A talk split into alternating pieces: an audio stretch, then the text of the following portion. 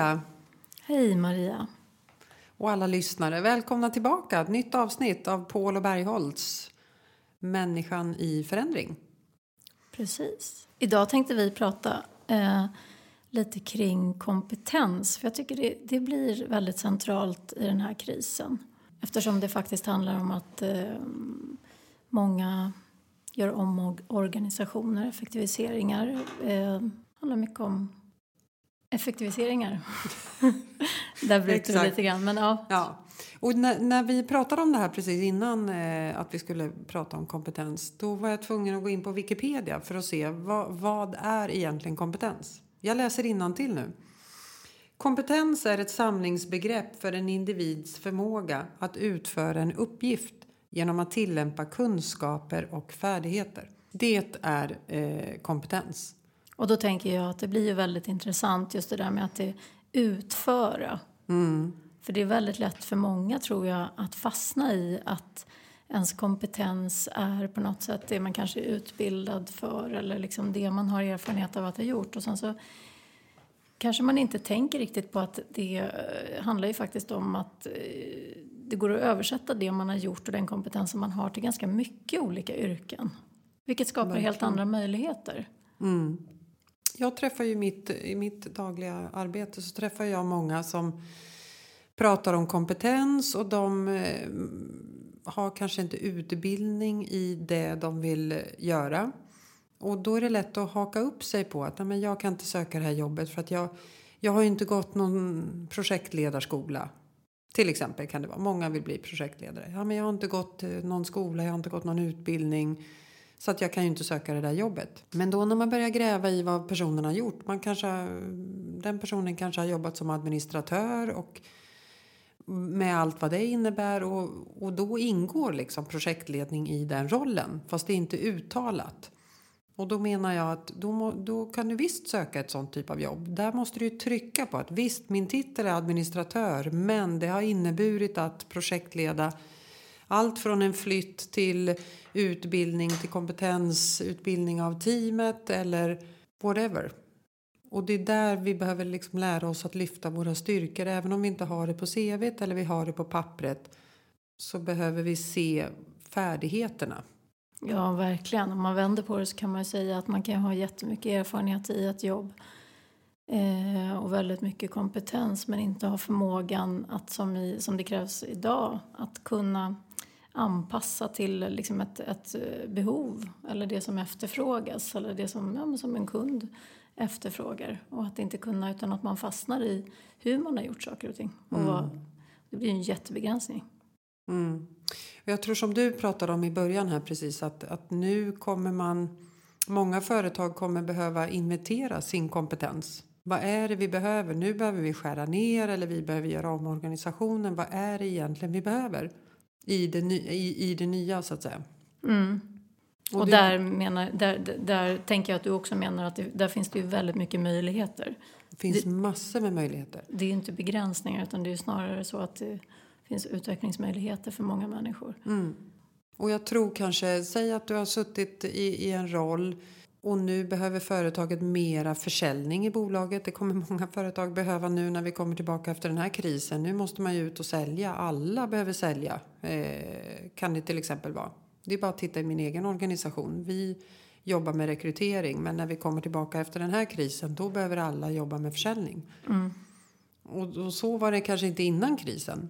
Och det är då jag menar att det är då du behöver själv se över hur kan jag bidra i den rollen.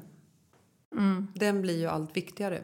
Nej, men det finns möjligheter. Det, eh, även om du inte då har säljare som titel på ditt CV så kommer du kunna genom den erfarenheten jobba med försäljning. Ja, men absolut. Det jag pratar om mycket är ju också det här med Alltså om man pratar om vad är kompetens, då är det ju också mycket förmågan att eh, omsätta liksom det man kan och det man har gjort till, till nuläge. Ja, mm. men till nuläge och praktik. Eh, och det handlar ju mycket om nyinlärning. Alltså det är ju verkligen det här med att hantera förändring. Alltså det, det är ju så lätt att vi bara säger så här, ja men alla måste vara duktiga på att hantera förändring och det, är det, det tjatas ju väldigt mycket om det hela tiden. Mm. Eh, tycker jag. Men utan att om man ska gå in lite i vad, vad är det det handlar om. Eh, ja, men det handlar ju om att liksom anpassa beteenden så att det är ändamålsenligt för det vi står inför. Liksom. Mm. Det ställer ju väldigt höga krav på, på medarbetare. Ja, på alla väl? Eller på, ja, men på, alltså alla som har ett jobb. Mm. Ställer ju väldigt, det ställs ju väldigt höga krav. För att du måste ju själv ställa om till den kompetensen som det, bolaget behöver. Ja, men precis. Ja, men verkligen. Snacka om stress alltså. Bara det där tänker jag. Mm. Ja, men hur, det kan, hur det kan bidra till, till stress. När det är så mycket som är så oklart, tänker jag på då. Ja, men jag menar, det blir ju inte eh, riktigt... eh, Det är så många som kan ha jobbat med mer orderintag. Alltså det som, att det efterfrågas någonting som man har. Mm. Och sen så svarar man upp mot det och levererar. Här är det ju väldigt mycket möjligheter för eh, väldigt mycket nya businessar att växa, tänker jag på Mm. också. Nya erfarenheter och att man liksom får lära sig nya saker.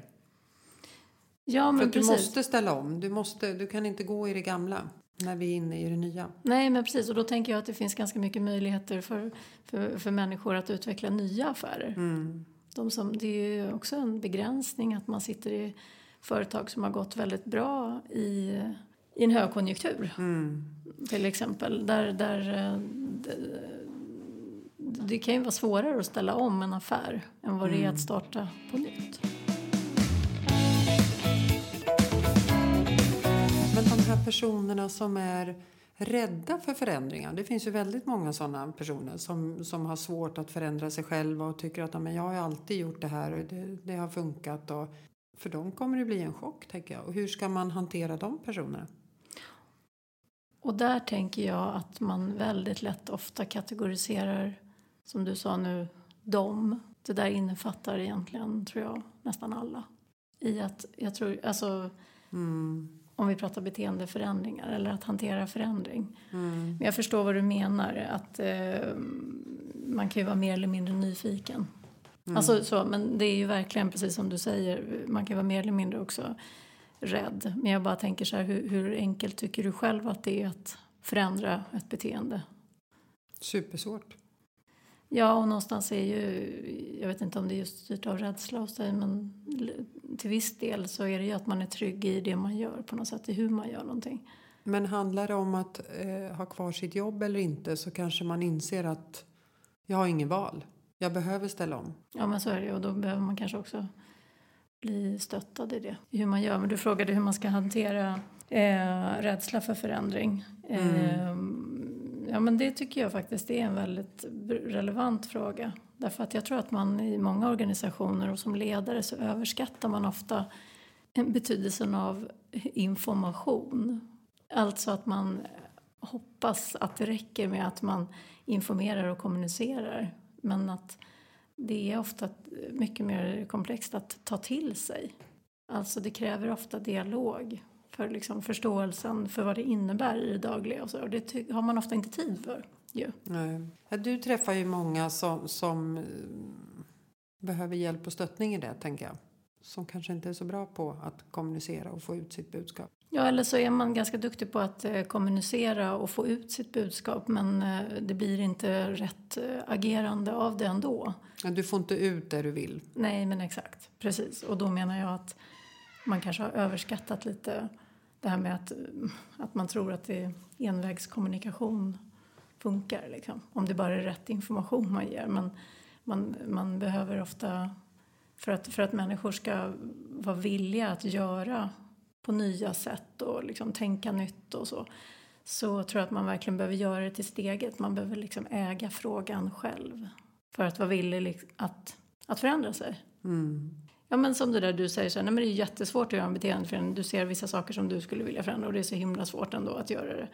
Ehm, och det är det ju. Och då behöver man ju börja med incitamenten för egen del. Så att, att hantera rädsla hos många, det tror jag kommer bli många ledares utmaningar. Mm. Rädsla för förändring som inte kanske tar sig uttryck i att man säger att man är rädd utan tar sig uttryck på andra sätt. På andra sätt. Mm.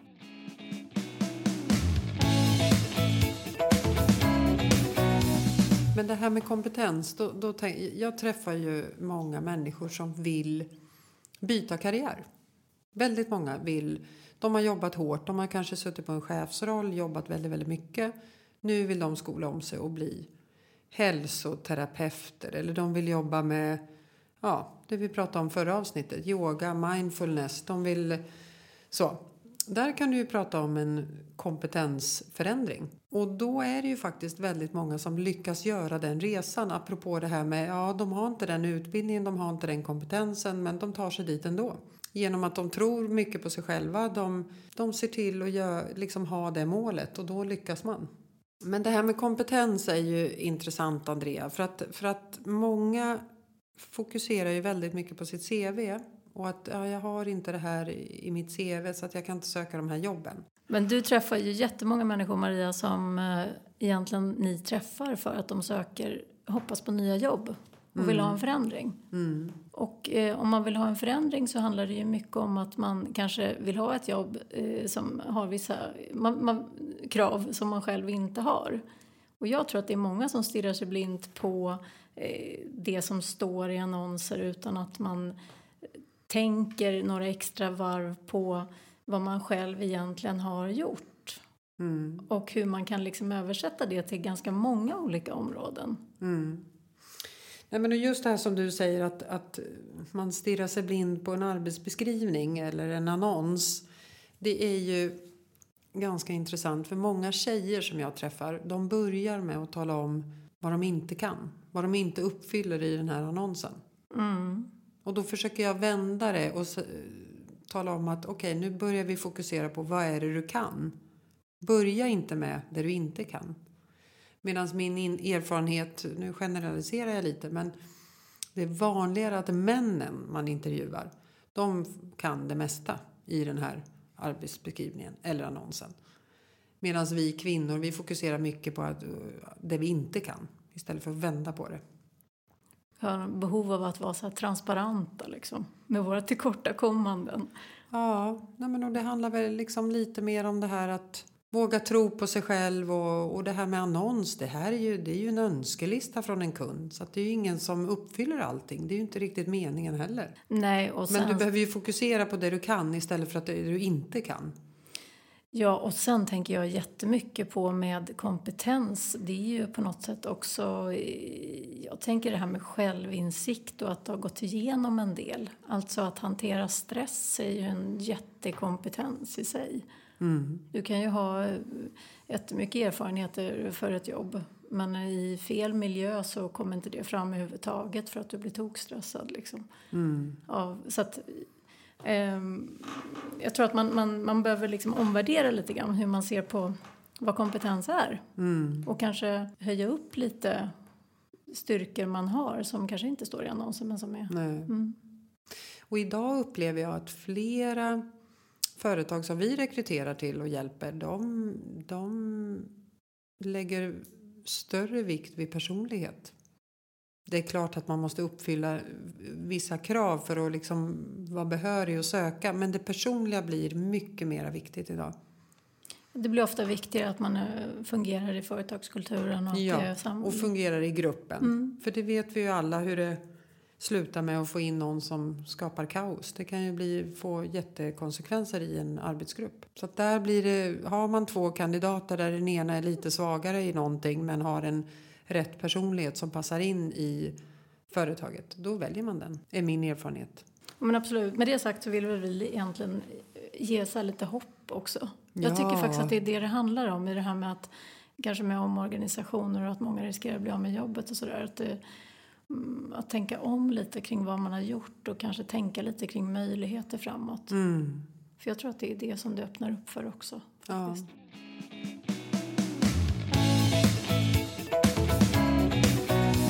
Har det hänt någonting som du tycker är eh, lite roligt? Det händer ju inte så mycket på jobbet nu, säger Maria.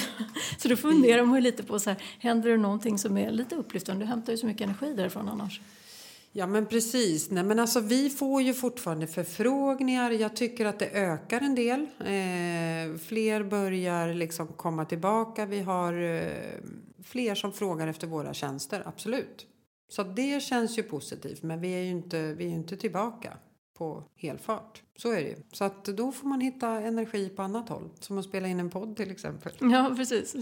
Sitta med mig här. Ja, precis. Nej, men man måste ju hitta sina... Det tror jag är viktigt för, för alla i dessa tider. Man måste hitta... Tidigare kanske man fick energi av att träffa sina kollegor och vara på jobbet. Och nu är vi inte det. Och då måste vi hitta den någon annanstans. Jag har ju fått energi av att vi har bytt lokaler på jobbet Mm. för några veckor sedan. Det gav ju jättenytändning. Här är något nytt, fräscht. Liksom. Bort med det gamla, sunkiga, corona, allting. Det här blir lite nystart. Så att man behöver hitta sina energipåfyllnader. Och de är ju individuella. Det är väl det som är, kan vara lite utvecklande med såna här kriser. Ja. Också jobb, alltså ändrade, ändrade jobbsammanhang och, och sådär. Ja, det här har ju lett till massor med möjligheter. Jag tänker bara på det här distansarbetet. Hur, hur, vilka möjligheter det finns nu att kunna jobba på distans, jobba lite hemifrån. Eh, Många jag pratar med tycker att, att det är ganska skönt för att man sparar kanske 10 timmar i veckan på att slippa resa. Är du småbarnsförälder då är 10 timmar i veckan väldigt, väldigt mycket. Du slipper ta dig till ett kontor, du är hemma mera.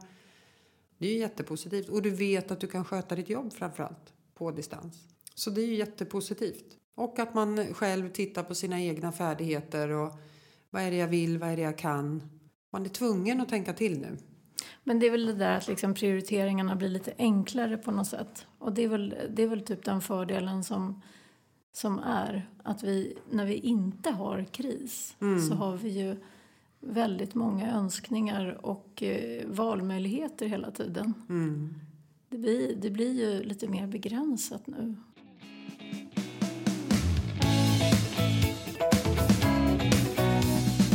Men också jag tänker på det du sa med, med att det finns positiva delar också. Och jag tänker bara på det här med och det gäller väl för alla företag. Nu har man ju varit tvungen att affärsutveckla, hitta nya affärer, nya lösningar som du kanske inte hade behövt eller inte hade haft energi eller tid att göra innan det här kom.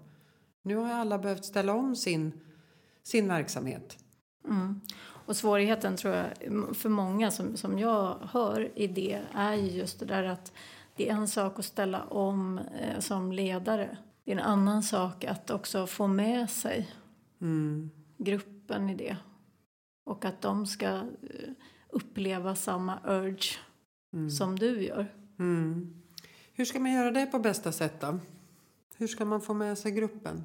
Handlar det mycket om tydlig information och mål och sådana saker? Eller vad? Nej, jag tror man ska förminska, jag tror man ska minska ner på det. Jag tror det är det vi ofta är för duktiga på. Jag tror att vi behöver eh, mer frågor till individer hur de kan bidra för att få människor att tänka och göra själva. Därför att det går för långsamt om en ledare ska Komma på allt själv? Ja, och delegera. Om man väl har fått folk att fatta vad det är man behöver göra och har ställt om en affär så har det ju skett tre ändringar till, tänker jag. Mm. Så det som blir viktigt är väl att få folk att anpassa sig själva till det nya. Och hur kan man som ledare då pusha på det tänket? Ja, men det är väl mycket det här med att minska rädsla Mm. och öka upp handlingsförmåga, öka upp förutsättningarna för, eh, för, att, för att göra. Jag tror att det är, apropå det här med hotsystemet eller trygghetssystemet som vi hamnar i, i kris så tenderar vi ju faktiskt att vara ganska mycket i vårt hotsystem, alltså som kan bidra till ökad stress och att vi inte blir så kreativa och handlingskraftiga utan snarare tvärtom. Så att jag tror att man behöver som ledare tänka rätt mycket på att hur, hur skapar jag trygghet i otrygga förhållanden? Och det kanske inte är att försöka få folk att känna sig trygga med sina anställningar med någonting som man ändå inte kan kanske lova. Utan snarare skapa trygghet kring eh, att kunna skapa det bästa av sammanhanget. Liksom. Jag tänker till exempel att, ja men som vi pratar om med din business till exempel, så är det ju så här att det krävs ju ganska lite för varje individ för att bidra väldigt, väldigt mycket. Men det där lilla som man behöver göra behöver ju ändå göras. Mm. Och i värsta fall så springer man ju runt och är ganska stressad av att, att man är rädd för att förlora jobbet. Mm. Istället för att göra det som gör skillnad och det som är det viktiga att göra. Och då menar jag att, att jag tror att då blir ju ledarens roll att skapa trygghet kring att om vi gör det här så blir det bra. Om vi inte gör det här, Nej, då, då, har vi problem. då har vi en utmaning. Ja, men precis. Men Mm. att, att bli ganska konkret. Vad vi behöver göra. Ja, men precis. Och skapa mer trygghet kring, kring det, tänker jag. Det är bra tips. För någonstans så vill man ju linda in saker. Man vill inte oroa folk i onödan. Mm. Men samtidigt så, så är det ju en verklighet där ute. Som kräver en viss förändring. Ja, så det är ju men- en balans. Precis. Och om man, om man just, just där, där hör ju jag många faktiskt chefer som hamnar i det där. Att eh, av rädsla för att liksom känna sig otillräcklig för sina medarbetare så, så får man på något sätt ett behov av att göra mer själv för att säkerställa på något sätt. Det där är ju en fälla. Det hör jag med en gång. Ja, Men, men jag det- är ju ja. säkert en av de cheferna. Tänker jag. Men Ja. det är ju en fälla. Ja, men någonstans där så tänker jag så här att då kanske det skulle skapa mer trygghet på ett hållbart sätt att peka med hela handen Mm. och säga vad som behöver göras och att vara väldigt tydlig. Och där tror jag många chefer är obekväma idag. Det tror jag också. För det är ju fult idag att peka med hela handen. Mm. Alltså att, att någonstans vara väldigt tydlig med vad som behöver göras och att ställa, ställa tydliga krav och sådär. Det är ju som att vara förälder till tonåringar idag. Det, det får man ju absolut inte göra. Nej, Man ska ju bara vara tillgänglig för eventuella Precis. uppkomna behov. Exakt. Var tillgänglig med Swish-appen. mm. Eller hur? Ja, men Eller precis. bilen så man kan köra, nå- köra dem någonstans. precis. Och då, då, då tänker jag att eh, det blir en falsk trygghet. Mm. Men det där, jag fastnar för det där med peka med hela handen. Och jag tycker att det, jag jobbar ju rätt mycket med mig själv. Att jag behöver kanske bli mer eh, så. Det har ju du och jag pratat om mycket. Att det, ibland kanske man behöver ryta i lite. Det där är ju en beteendeförändring. Det är ju, ganska, det är ju svårare för en sån person som mig som inte har det där i blodet att vara så. Det är mycket svårare upplever jag. Att vara så på jobbet när man inte är sån som person. Men jag inser ju också att man behöver ju vara det för att få det resultatet man är ute efter. Ja, precis. Och då tror jag att man kanske behöver tänka lite på att på mer den långsiktiga effekten då. Alltså att... eh, Vad händer om jag inte pekar med hela Ja. handen? Mm. Precis. Att det inte är att vara schysst. Nej. Fast det känns schysst i stunden. Mm. Det här som jag sa med att hantera obehag, det är ju jättemycket också det det handlar om. Att eh, obehag betyder inte att någonting är farligt. Det kanske betyder att man bara gör på ett nytt sätt. Men att man faktiskt gör en positiv beteendeförändring i längden. Mm. Men det kan bli obehagligt här och nu. Men vi har väl haft chefer, både du och jag, genom alla år säkert som har pekat med hela handen och inte uppträtt speciellt trevligt. Den vill man ju inte bli. För det, då uppnår du ju inget bra resultat. Upplever jag, när du står och skriker och gapar med hela handen och eh, ställer orimliga säljkrav eller vad det nu kan vara. Du, når ju bara, du får ju inte ut något av det. Du skapar ju bara en rädd personalgrupp. Absolut, men jag tänker att är, här har vi ju lite nyanser att jobba med tror jag. Också Ja. för att, ja men precis, det är ju ytterligheter. Ja, absolut. Men verkligen. Tydlighet behöver inte betyda att man är står och skriker eller är otrevlig. Nej. Men, eh, men jag tror att vi, men det finns en tendens idag hos många ledare att man har, lindar in saker och har svårt med att vara tydlig och att ställa krav Mm. för att man inte vill vara obekväm.